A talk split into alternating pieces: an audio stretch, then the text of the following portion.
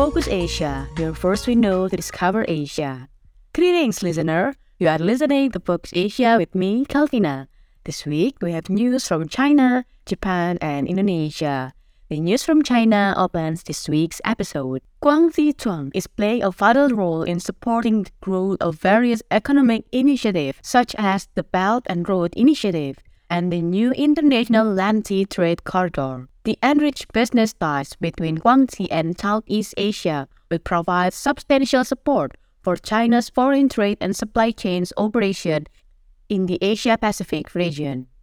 Liu Ning, Party Secretary of Guangxi, led a delegation to visit Vietnam, Singapore, and Malaysia that yielded several economic trade deals worth billions of yuan. Guangxi is also said to be willing to work with all related parties to develop the Belt and Road Initiative, advance preparation for the further enhancement of the Southeast Asia China Free Trade Area, and promote the in depth implementation of the RCEP. It will be done so through Guangxi's Beibu Gulf Port an important transit point in the new international land sea trade corridor, as it handled more than 1.6 million 20 foot equivalent unit of container in the first quarter of this year, up 14.7% year on year. The next China Southeast Asia Expo will be held in September in Nanning, Guangxi's regional capital, and will host commercial events and series of high level forums.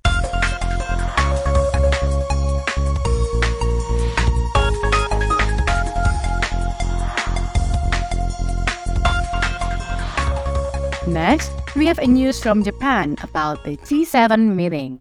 G7 ministers conclude two days of discussion on environmental, energy, and climate policy in Sapporo, Japan. Following Russia's invasion to Ukraine, the need for energy security and renewable fuel sources has grown more urgent.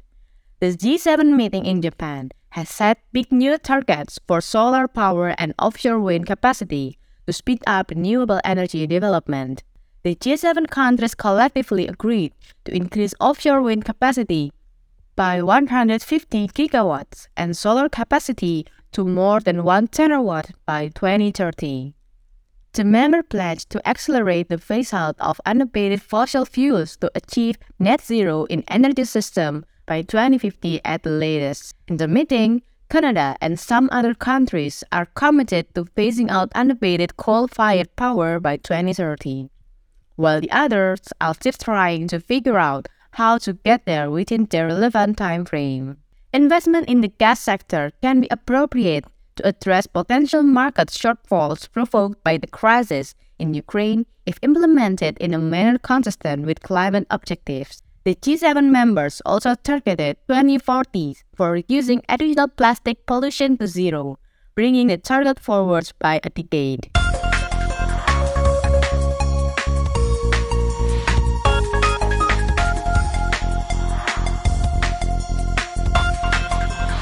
Moving on, we have a news from Indonesia that just made investment deal with Volkswagen on electric vehicle industry.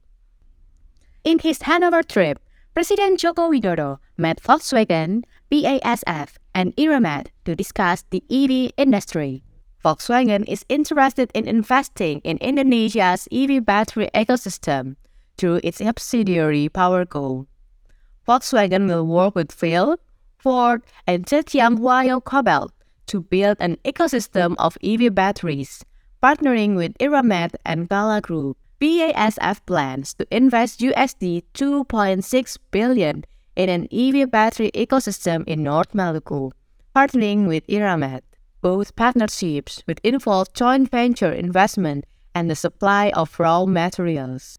The European investors' presence show that Indonesia is open for investment and is not only attracting Asian businesses. In March, Ford announced a 4.50 billion US dollar battery material investment in Indonesia, the first one the car maker has ever done in Southeast Asia.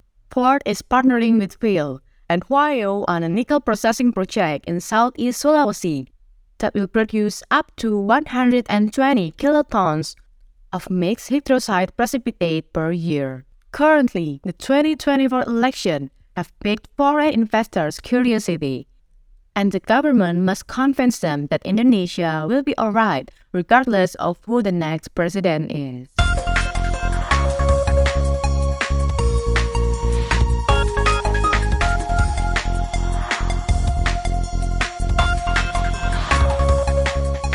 Last, we have RADWIMPS who will be having an Asia tour.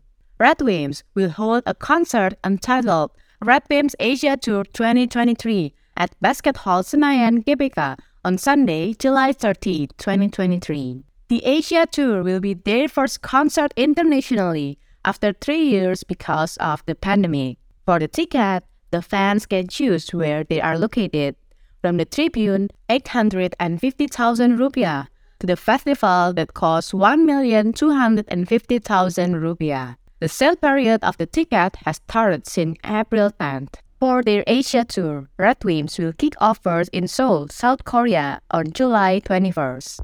They will also visit Taipei, Kuala Lumpur, and Bangkok in July 23, July 25, and July 27 before landing in Jakarta on July 30. RADWIMPS, a Japanese rock band, famous for singing Makoto Shinkai's movies, such as Your Name, Weathering with You, and the latest is Suzume no Tojimari. The band was formed in 2001 and made its major label debut in 2005. Their famous songs include Nandemonaiya, Grand Escape, and Sparkle. For more information regarding RADWIMPS Asia Tour 2023, you can visit their website on radwimpsinjakarta.com. The news from RADWIMPS Asia Tour 2023 closes this week's episode. Don't forget to always listen to Focus Asia every week to update your knowledge about what happens in Asia. I'm Calvina. See you on the next episode of Focus Asia, your first window to discover Asia.